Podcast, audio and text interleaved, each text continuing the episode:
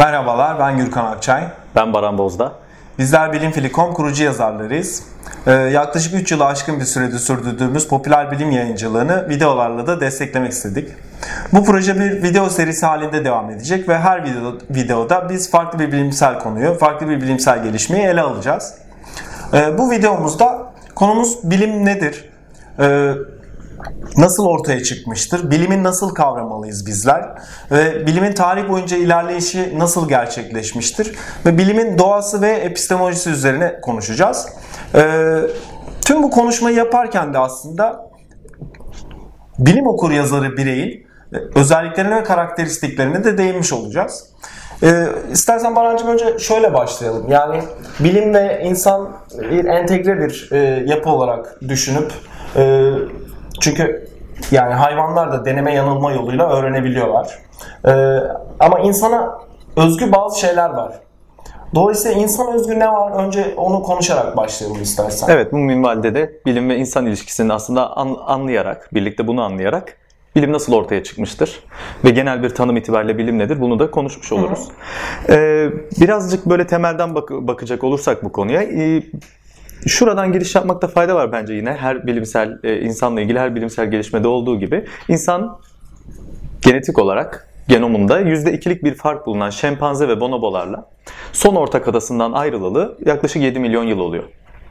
Bu zamandan beri süren bir kontinuum halinde yani süre gelen e, Devamlılık. devamlılıkta bu süreçte e, insan morfolojik, fizyolojik, genetik, epigenetik bir takım değişimler geçirdi. Bu değişimlerle eş zamanlı olarak ve gradual olarak birbirine eklenerek, ilerleyerek e, insan beyninde de beyin e, devrelerinde de, circuitry'lerinde, bölgeleri arasındaki ilişkilerde de evrimler oldu. Ve insan doğası gereği bilmek ister e, deriz.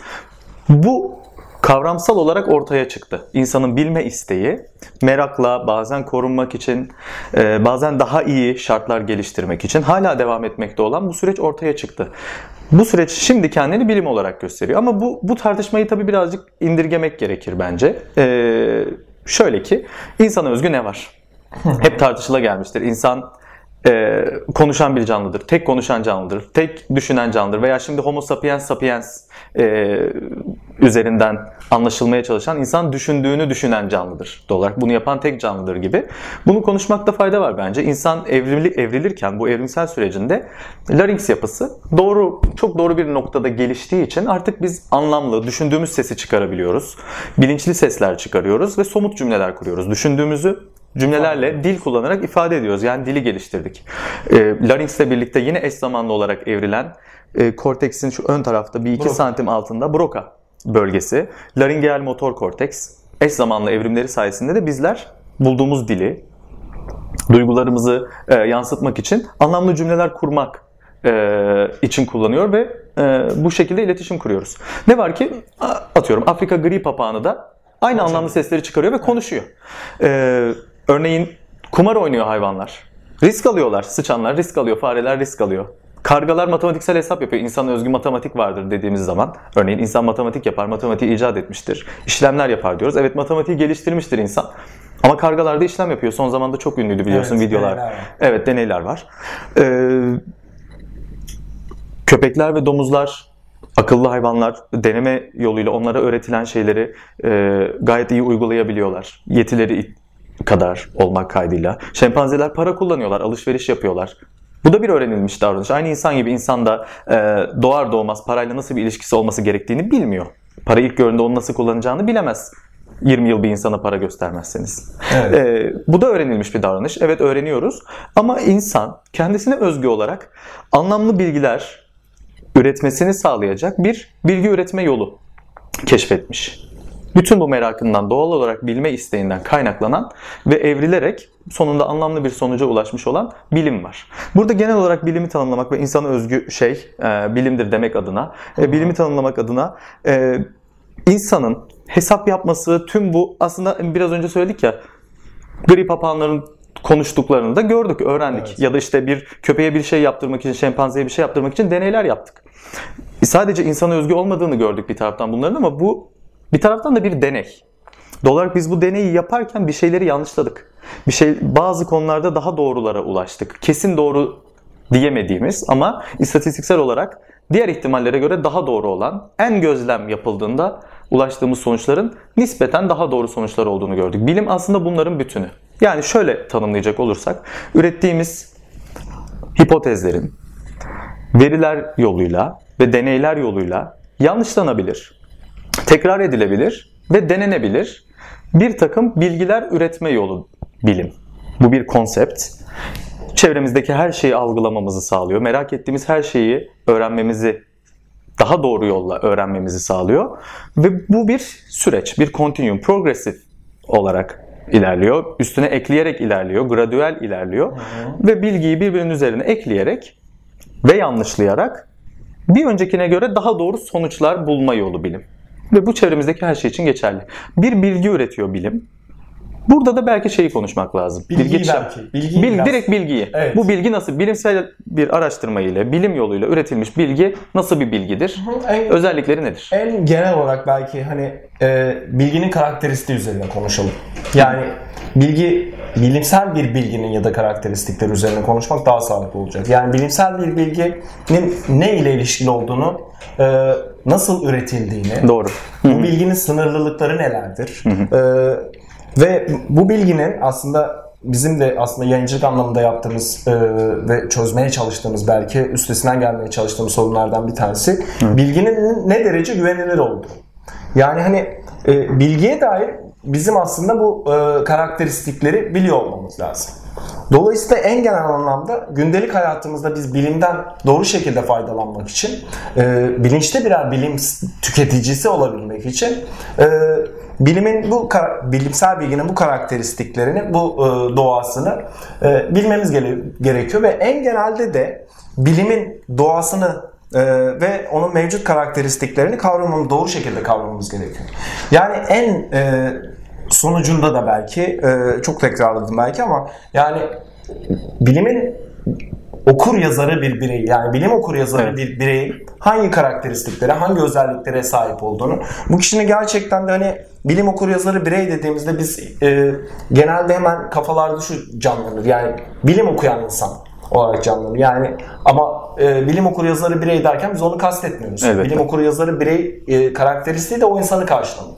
Birisi fizik okuyabilir ama bilim okur yazarı birey olmayabilir. Olmayabilir. Ee, ama köydeki herhangi bir insan bilim okuryazarı bir birey olabilir. Ee, çünkü bilimin o genel olarak kavrayış ve yaklaşım biçimini öğrenmişse e, onu uygulayabiliyorsa gündelik hayatında e, bu kişi için biz bilim okuryazarı birey diyebiliriz. Yani bu gündelik hayatımızda şimdi pek çok problemle karşılaşıyoruz. Yani e, nedir bu? Ya en basitinden e, sahilde oturup güneşlenmek sağlıklı mı? Ya da işte Bunu cep yapıyorum. telefonum, cep telefonum e, beyin tümörüne ya da işte bir e, kansere sebep oluyor mu? Oluyor mu? Evimde küflü ekmek var yersem ne olur bana? Küflü ek- ekmek yersem ne olur dediğin gibi. Ya da e, daha da böyle e, şimdi son zamanlarda da bir kitap çıktı. Kitapla birlikte de belki yine patlayacak o konu. Daha önce patlamıştı. Lancet'te yayınlanan bir araştırma vardı biliyorsun. Aşının Evet. otizme sebep olduğuna dair. E, aşı otizme sebep oluyor mu? Yani aslında hep böyle e, sorular var ortada. Problemler var ve kişi, birey e, toplumun bir parçası olarak bu sorulara, bu problemlere dair bir akıl yürütme süreci işletmesi gerekiyor. Bu akıl yürütme sürecini kişi nasıl işletecek? E, nasıl bir sonuca varacak buradan ve bu bilgiyi kendisi için nasıl kullanacak? Bunları elbette ki bilmesi gerekiyor. Ve hani o kullanacağı bilgi nasıl bir bilgi olmalı? Hangi Evet. bilgi alıp kullanabilir? Evet, hangi o bilgi? bilginin özellikleri nedir? En nihayetinde de belki yine bu e, bilginin özelliklerini ve e, bilimin doğasını kavradığı noktada da artık şimdi sosyal medyayla birlikte özellikle de çok artan bir e, noktaya geldi bu. Ama kişi burada aslında toplumda e, toplumun bir parçası olarak sahte bilimle gerçek bilimi e, ya da daha doğruyu bi- bilimi demek lazım. Gerçek bilimi demek belki doğru bir ifade değil. Doğru. Ee, bilimi birbirinden ayırt edebilecek e, kapasiteye ve e, karakteristiklere, e, o yetiye, o becerilere sahip olmuş olacak. Şimdi biraz önce söyledim yani Lancet'te bu araştırma yayınlandı ve e, araştırma geri çekildi bu arada dergi tarafından. E, çünkü biz toplumda da böyle bir mit oluştu artık ve e, aşı otizme sebep oldu. Bununla ilgili eminim ki e, pek çok insan bugün hala görüyoruz ne yazık ki bunu da e, çocuğunu aşı yaptırmaktan kaçınıyor. Evet var. Etkileri büyüdü yani. Evet etkileri büyüdü. Bununla ilgili bir şimdi son zamanlarda yani bir kitap da çıktı. Ee, okumadım henüz kitabı ama yani başlığında hangi aşılar otizme sebep olur diye bir başlık da çıktı. Gerçekten çok e, tehlikeli bir e, yaklaşım söz konusu. Dolayısıyla bizim hani tüm bu sorunlara baktığımızda toplum için bilimsel kavrayışa sahip olması e, na dair bazı sebepler var, bazı Doğru. nedenler var. Önemi ortaya çıkmış oluyor böyle. Evet, yani e, ne söyleyebiliriz burada? Toplum için bir neden, bir argüman sunalım. Yani e, pek çok sosyal scientific issue'lar dediğimiz konular var. Yani bir yanı topluma, bir yanı e, bilime e, ilişkin olan konular. Bu konularda birey sağlıklı bir karar verebilmesi için yani bilimsel anlamda bir karara ulaşabilmesi için bilimin doğasını, bilimin doğasının karakteristiklerini, bilimsel bilginin karakteristiklerini içselleştirmiş ve kavramış olması gerekiyor. Doğru. Yani GDO'lu gıdalarla e, beslenmek e, tehlikeli midir? Ya da iklim değişimi e, gerçekten de bilim insanlarının söylediği kadar e, hat bir problem yani güncel bir problem, büyük bir sorun mu?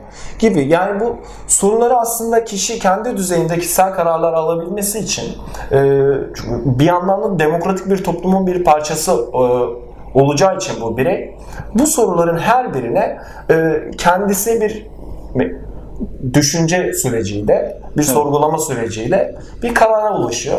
Doğru. Ve en nihayetinde de hangisinin daha e, uygun bir yaklaşım olduğunu e, kendi becerileriyle, kendi yetileriyle, kendi kapasitesiyle e, kavramaya çalışıyor, oluyor, kavramış oluyor. Bilgiye dair bilginin sınırlılıklarından bahsettik. İşte e, sınırlı olduğundan söyledik. Değişebilir olduğunu söyledik. Şimdi değişebilir olduğu kısmında biraz e, o kısımdan ilerleyelim istiyorum. Yani bilgi değişebilir. Tabii. Evet. Çünkü bilgi, bilimsel bilgi doğruya en yakın olma amacındadır. Ve Bilinen da, en yakın hatta. Evet, en yakın olma amacındadır. Ve burada da aslında ne giriyor devreye? İstatistik dediğimiz e, durum giriyor. Yani en nihayetinde de matematik. Matematik giriyor evet. Ee, burada şeyin saptamasını yapmak faydalı olur. Galileo'nun Il Saggiatore'de, Il Saggiatore, evet. 1623'te evrenin matematik dilinde yazılmış olduğunu ve bu dili öğrenmeden evreni asla kavrayamayacağımızı söylüyor Galileo. Bu aynı zamanda Galileo'nun ölümünden bu arada bir yıl sonra doğmuş olan e, Newton tarafından da aynı tespit kalkülüsün keşfiyle e, yapılmıştı. 1707'de e, Universalis aritmetikada. Ee, ondan bir 20 sene önce de 1687'de yine e, Filosofia Naturalis Principia Mathematica'da bu saptama yapıldı. E, bu bu süre içerisinde bu, bu bunu takip eden süreçte de yine e, matematiğin bilimdeki rolü, etkisi, bilimsel bilgiyi bilimsel bilginin kavranılabilirliğini ve öğrenilebilirliğini sağlayan ve doğruluğunu yani ne oranda doğru olduğunu istatistiksel olarak saptamamızı sağlayan bu e, yöntemsel e, konsept icat edildi aslında. Ve bu, bunu takip eden süreçte de e, Alfred North Whitehead'e, Bertrand Arthur Russell'a, e, Gödel'e, Frege'ye, e, Wittgenstein'a Bertrand Russell'ın öğrencisi e, ve hatta Karl Popper'a, Karl Raimund Popper'a uzanan bir bilim ontolojisi, bilim felsefesi, e, gramer, şey mantık grameri ve mantıkla ilgilenen insanların e, ürettiği yine bilimle aynı zamanda ilerleyen ve bilimi çok güzel e, bir şekilde sağdan soldan destekleyen, aynı bir bilimin yaptığı atağı destekleyen e, yaklaşımlar gelişti. Son dönemde de yani son içinde bulunduğu bir önceki yüzyılda da 20. yüzyılda da e, Karl Raimund Popper'ın yaklaşımıyla artık bilim e, uygulanan çağ atladı, çağ atladı ve şu an uygulanan e, uygulandığı biçim biçimi alması sağlandı. Bu bir akış aslında ta Galileo'dan başlayan ve evreni matematikle anlamamızı e, salık veren bu anlayışı takip eden bu süreçte işte e, bu 400 yıllık süreçte ortaya çıkmış bir kavrayış bu. Geçmişine baktığımız zaman da ta Thales'le Anaximandros'un arasında geçen e, diyalogla başlayan insan insanlığın bilimi anlama, kavrama ve bilimsel bilgiyi üretme şekli, yolu, diyalog e, evrile evrile bugünkü modern haline ulaştı. Bilimsel bilginin karakteristiğini anlattın. O, o karakteristiği ortaya çıkaran şey aslında bu birikim. Belki bunu söylemekte evet. fayda var. Çünkü bilim bu e, keşfi yaparken, keşiflerini yaparken, ilerlerken çok farklı yöntemler kullanmış. Bu da bir tarihsel akış içerisinde gerçekleşmiş.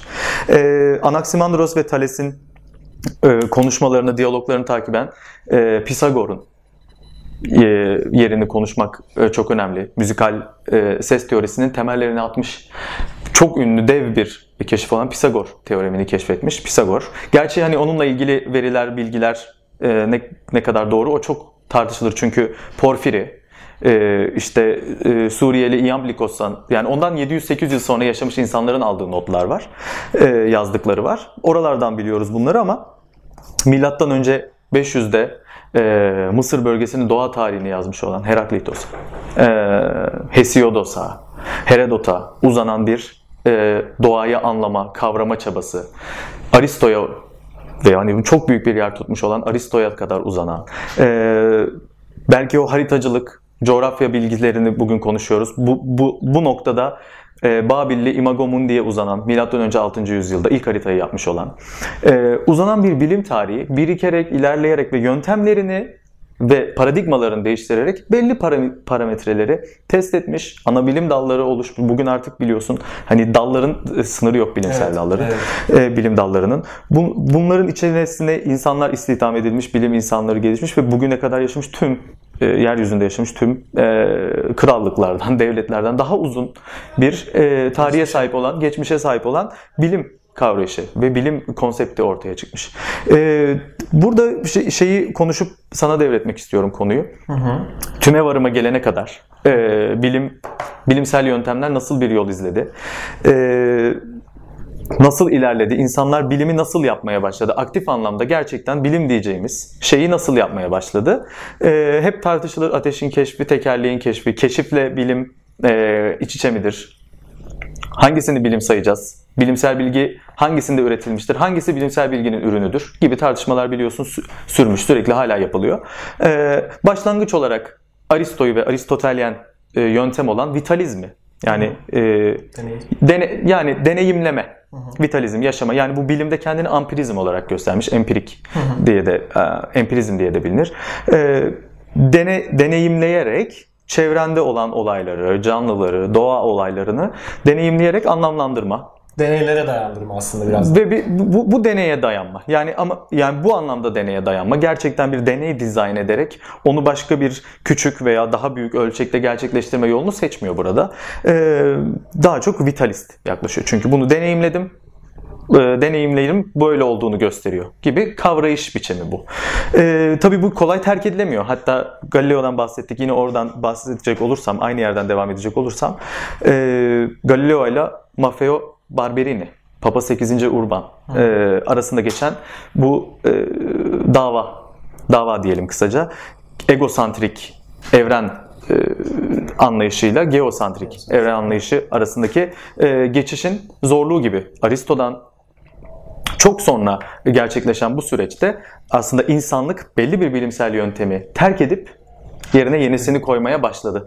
E, belki resimde, Rönesans'ta bu geçiş belki çok sancılı olmadı. Örneğin Aristotelyen perspektifin her şeyin benden çıktığı ya da her şeyin bana geldiği e, çizimlerden, işte mimari tasarımlardan ya da Aristotelyen tiyatro anlayışından diğerlerine geçiş belki modern olanlara geçiş e, bu kadar sert ve e, kavgalı değildi belki e, bilinen anlamda ama bilimsel anlamda bu böyle olmadı. Çok zor ve sancılı bir süreç geçti. Aristotelyen evren anlayışını, e, egosantrik evren anlayışını benimsemiş kilise ile yani gıyabında Papa 8. Urban'la Maffeo Berberini ile Galileo arasındaki dava sonunda Galileo'nun 1633'te Engizisyon Mahkemesi 22 Haziran 1633'te Engizisyon Mahkemesi'nde yargılanarak ev hapsine evet. çarptırılmasına varacak kadar e, sert sonuçlar üretmiş.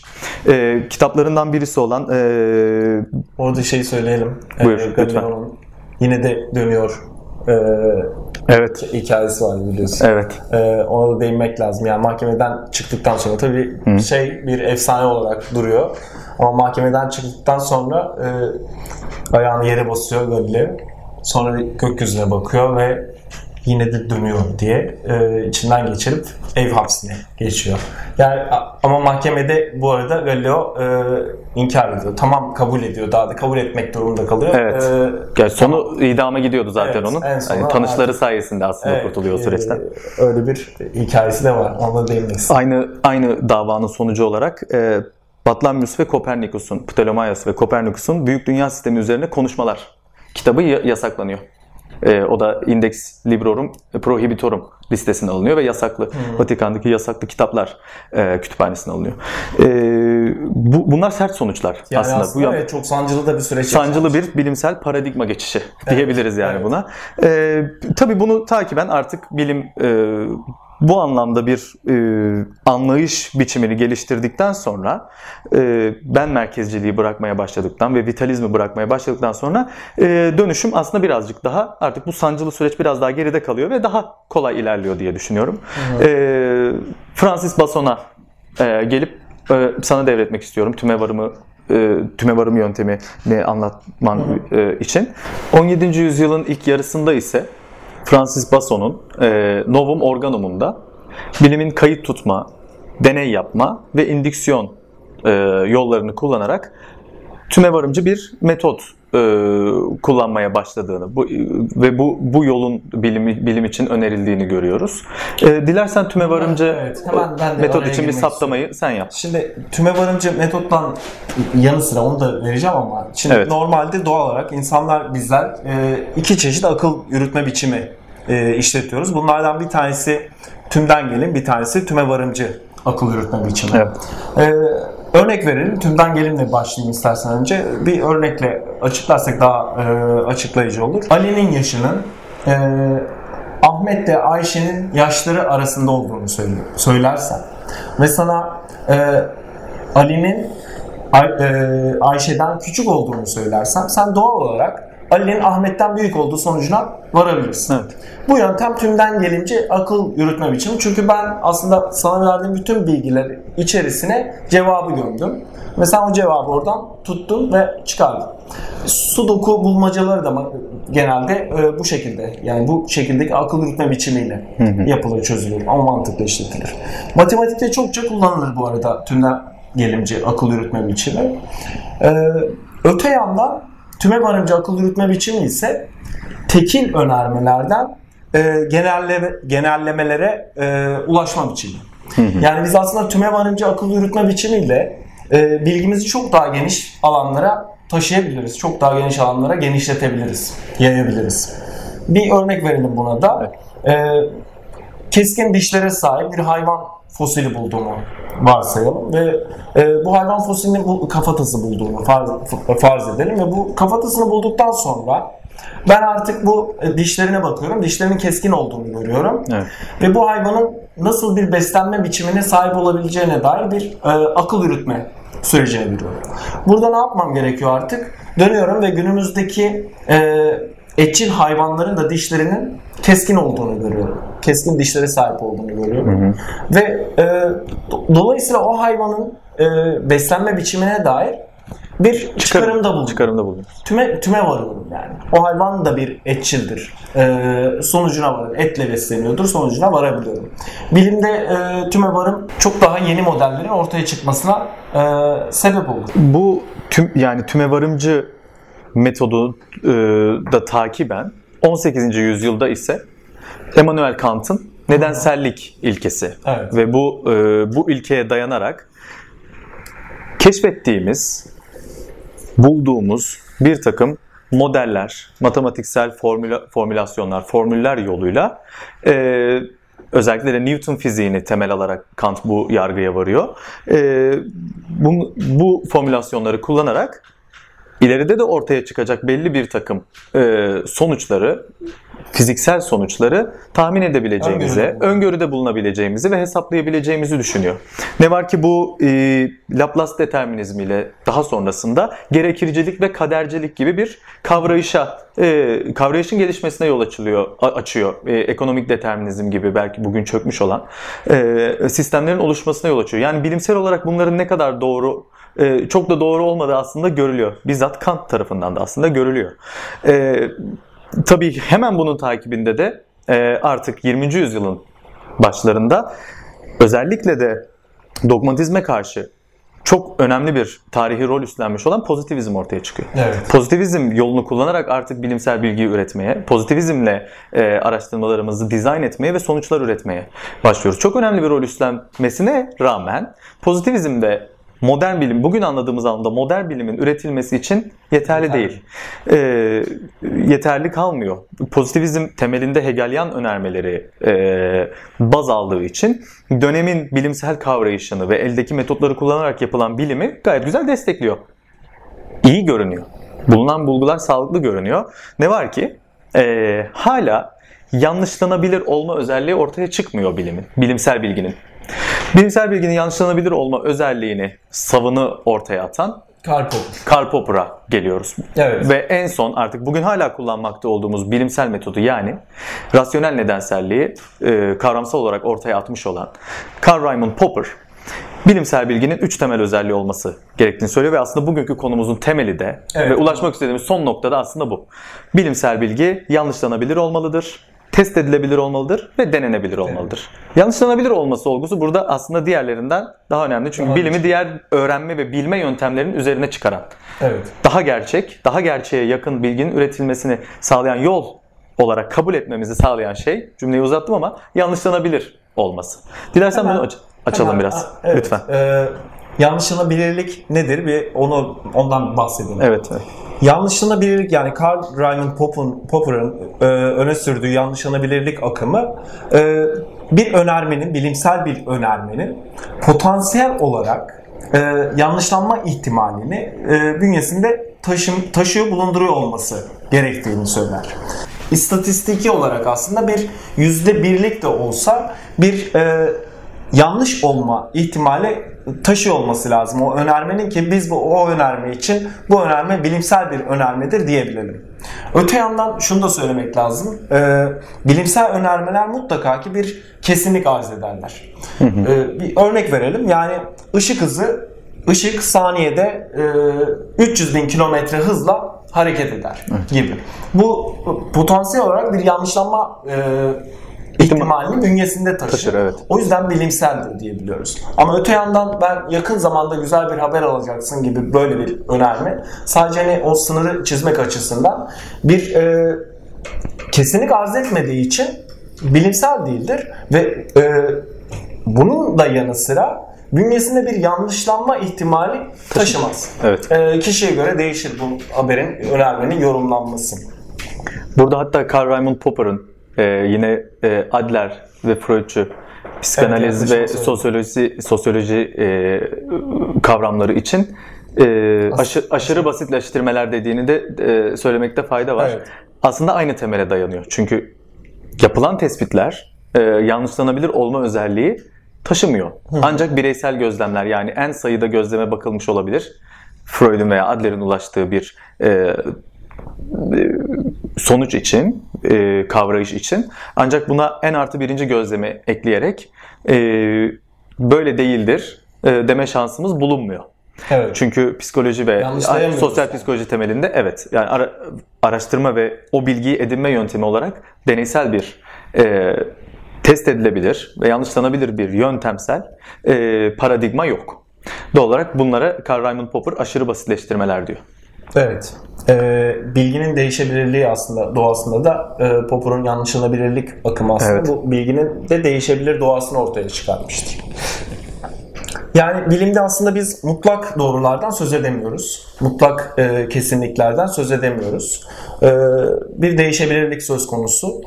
Elbette ki bu şu anlama da gelmesin. Yani şöyle de anlaşılmasın. Bilimsel bilgi e, değişebilirse o zaman güvenilmezdir e, gibi bir soru işareti de oluşturabilir akıllarda.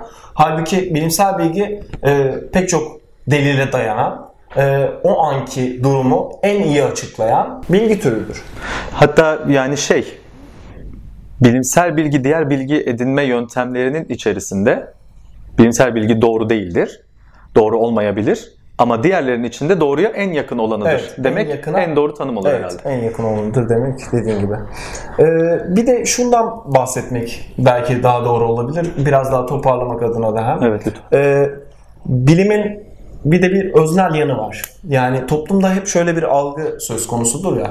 E, bilimsel araştırmalar nesneldir algısı. Yani çok yaygındır. E, bilimsel araştırmalar özneldir. Bilimin kendisi nesne olabilir ama bilimsel araştırmalar özneldir. E, ama bu öznellik en nihayetinde nesnel olmaya en yakın olan bir öznellikten söz ediyoruz. Çünkü nihayetinde bilimsel araştırmaları da yapan İnsanlar. insanlar. Dolayısıyla insan faktörü işin içine girdiğinde e, işin içerisine bir kültür giriyor, bir e, Geçmiş giriyor. geçmiş giriyor, Deneyimler tarih giriyor, giriyor. büyüme biçimi e, giriyor. İçinde E, bulunduğu aile toplum giriyor, oluyor, aile giriyor. Toplum dahil oluyor. E, dolayısıyla yani burada bilim insanının beyninin de boş bir sayfa olduğunu e, düşünmüyoruz. Elbette ki bulunduğu toplumdan, içerisinde bulunduğu çevreden, yetiştirilme biçiminden, e, hatta belki e, bir inanır, inancından e, etkileniyor. Yani bu bilinçli bir süreç değil bu belki ama etkilememesi de mümkün değil. Yani Değil. insan beyninin e, gerçekliğinden söz ediyoruz. Doğru. Dolayısıyla burada aslında bilimsel araştırmalar için biz öznellik taşır diyoruz. Ama peki bilim bu öznelliğin üstesinden gelmek için de belirli yöntemler geliştirmiş. Evet. Yöntemleri nesnel olması dolayısıyla nesnele en yakın Nesnele en yakın. sonuçlara ulaşır. Evet. Bunun yanı sıra da şu da e, aslında söz konusu. Yani bir araştırmayı bilim, bilim insanı yaptığı bir araştırmayı makaleye dönüştürdükten sonra biliyorsun ki e, akademik bir dergide, hakemli bir dergide yayınlanması için e, gönderir. Ve orada aslında bu e, öznelliğini en aza indirgemiş olan araştırmalar e, yayınlanır ve diğer araştırmalar tarafından da e, referans gösterilir, atıfta bulunur. Evet. Ama öznelliğini biraz daha e, belki e, tamamen yok e, etmiş diyemiyoruz tabii ki ama biraz daha e, en aza indirgemiş olanlar daha böyle güvenilir araştırmalardır diyebiliyoruz. Doğru. E, ötekiler için de yani geçmişteki yerlerini alıyor diye e, söylemek herhalde doğru Evet. bir ifade olacak. Evet yani bu bilimsel bilgi bütün bu e, üretiliş biçimlerini değiştirirken, e, paradigmalarını değiştirirken ve yöntemlerini değiştirirken bir taraftan da e, başka değişimler de geçiriyor. Evet. Bu bir, bir evrim geçiriyor bilim aslında ve e, bilimsel bilgi. E, yöntemlerinden bahsettik. Bir taraftan da e, coğrafyası ve dili değişiyor. Evet. Özellikle de sen yayınlanıyor e, ve bu hakemli dergilerde yayınlanıyor ve test ediliyor, tekrar tekrar test ediliyor e, derken e, bundan da bahsetmekte fayda var. Bilim tarihi boyunca tüm bu kişileri ontolojisi, felsefesini inceleyen insanları e, ve paradigmalarını değiştirirken coğrafyasında ve dilinde de değişiklik oluyor bilimin. E, öncelikle Antik Yunan'da başlayan, daha sonra Arap, Fars ve Hint dünyasına geçen, e, daha sonra tekrar 14. ve 15. yüzyılda kıta Avrupa'sına dönen ve oradan Britanya'ya e, doğru e, coğrafyasını değiştiren bilim bu değişimle eş zamanlı olarak bir taraftan da dilini değiştiriyor. Yani bilim dili dediğimiz kavram değişiyor. E, kavram değişmiyor elbette ama bilim dili değişiyor. Aktarım Aktarım dili değişiyor. Ee, hakim dil değişiyor bilimi anlatan. Bu da tabii ki yine aynı coğrafyaları takiben Grekçeden Arapçaya, tekrar Grekçeye o e, e, çevirilerle, İtalyancaya, on- 16. 17. yüzyılda Latince'ye, ondan sonra e, 20. yüzyılda artık Almancanın hakim olduğu e, bir e, bilim dünyasının oluşmasına kadar devam ediyor bu süreç. Bunu takip eden artık süreçte de günümüzde de e, bu tabii hala tartışılan bir konu. Princeton'da özellikle Michael Gordon'in e, tespitini e, aktaracak olursak bilim bugün çok büyük oranda İngilizce olarak anlatılmaktadır ama terminolojisi Latinceden beslenmektedir. Ortak olarak da Almanca ve Fransızcadan, e, Fransızcada da yayınlanmaktadır. Bilim e, aslında bir diller karmaşası. Tek bir bilim dili yoktur ama bu dillerin bir e, karışımı halinde yayınlanmaktadır. Bu bakış açısı aslında şeye de sebep oluyor. Türkiye'de bir arkeoloji araştırması yapıp Türkiye'deki bir dergide Türkçe yayınlayabilirsiniz. Türkçe de bu anlamda bir bilim dilidir aslında. Bilimsel bir bilgiyi anlatabildiğiniz her dil bilim dilidir. E, bu tartışmalar sürüyor ama e, bir taraftan da hakim olan dili yani bu coğrafi değişime Baskın bir dil de aslında söz konusu. Söz konusu elbette çünkü bu coğrafi değişimi izlerken bu dil değişimlerini de izliyoruz. Tüm bu değişimler, dediğin paradigma değişimleri ve özellikle de e, en son belirttiğin yanlışlanabilir ilkesine e, bağlı olarak ortaya çıkmış olan e, bilimsel bilginin değişebilir doğası bir taraftan da aktarım ihtiyacını ve aktarımdaki zorlukları ortaya çıkarıyor. Evet. Bilim dili kendi ana dilimizden farklı oldukça onu anlamak, kavramak yani özüne dönecek olursak da temel anlamda bir bilim okur yazarı olmak çok zor bir hadise haline geliyor. Evet. Çünkü onu kavramak, anlamak e, bir e, zor bir iş oluyor. Gündelik işlerimizin arasında veya günümüzü geçirecek pragmatik bilgilere ulaşmak varken bilimsel bilgiyi merak etmek, öğrenmek ekstra bir çaba ve emek istiyor.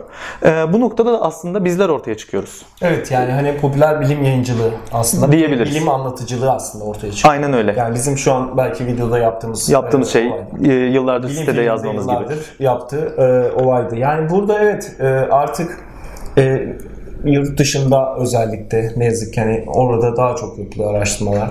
E, araştırmalar yapılıyor. E, bir sonuca ulaşılıyor. Bu bilimsel anlamda çok e, devasa sonuçlar bazen ve sarsıcı sonuçlar elde edilebiliyor. Ama e, biz hani o dili bilmeyen, o baskın dile hakim olmayan bir kişi e, orada ne olduğunu belki çok sonradan duyabiliyor. Evet. Ya da ya da bu burada e, işte e, basından duyuyor belki ama yani bilimi ve bilimsel gelişmeleri basından takip etmenin de e, belli dezavantajları var aslında. Çok da karşılaştığımız ve bilim fili olarak belki bizim de bir alanda mücadelesini verdiğimiz e, toplumda bir kavram yanılgısı oluşturmak insanlarda bir terminolojiye dair hataların oluşması özellikle e, bir teorinin yanlış şekilde sunulması, yanlış şekilde aktarılması e, belli dezavantajlar ortaya çıkarıyor. Yani bu anlamıyla da aslında e, bizlerin popüler bilim yayıncılığının, e, bilim filminin özellikle de e, önemi ortaya çıkıyor. Evet. Bizler e, bilimi anlatma ihtiyacından dolayı ortaya çıkmış olduğumuz için bu süreçte yine e, bilimin narasyona yani bir haberciliğe, meta narratife, üst anlatıya ihtiyaç duymasından dolayı doğru şekilde anlatma, referans vererek bireyi haberden ya bilim okur yazarını özellikle haberden e, ana kaynağı, bilgiyi test edebileceği, e, okuyabileceği grafiklerle, belki görsellerle e, beslenebileceği e, ana üretilmiş olduğu, yayınlanmış olan kaynağı e, yönlendirme işlevi görüyoruz. Bunu aslında özür dilerim araya girdim ama yani Yok. hani bunu bir etik kaygıyla da yapıyoruz. Ee, akademik bir etik taşıyarak yapıyoruz. Çünkü bu araştırmanın e, bir referansı var, bir kaynağı var. Ee, ve o kaynaktan yararlanarak biz e, bunu size sunuyoruz. Şeklinde bir yaklaşım da aslında benimsiyoruz. Aynen öyle. Çünkü bilim aslında o haber başlığındaki o etkileyici şey değil. Evet. Gerçek anlamda. Mutfağı e, çok farklı, çok büyük bir emek var. Bir fizik araştırmasında yeni bir kara deliği bulunması, yeni bir gezegenin bulunması, e, çok fazla matematiksel hesaba, terabaytlarca verinin işlenmesine, bazı makalelerde, referanslarda görüyoruz. Onlarca bilim insanının aynı şey için yıllarca çalışmış olduğunu görüyoruz.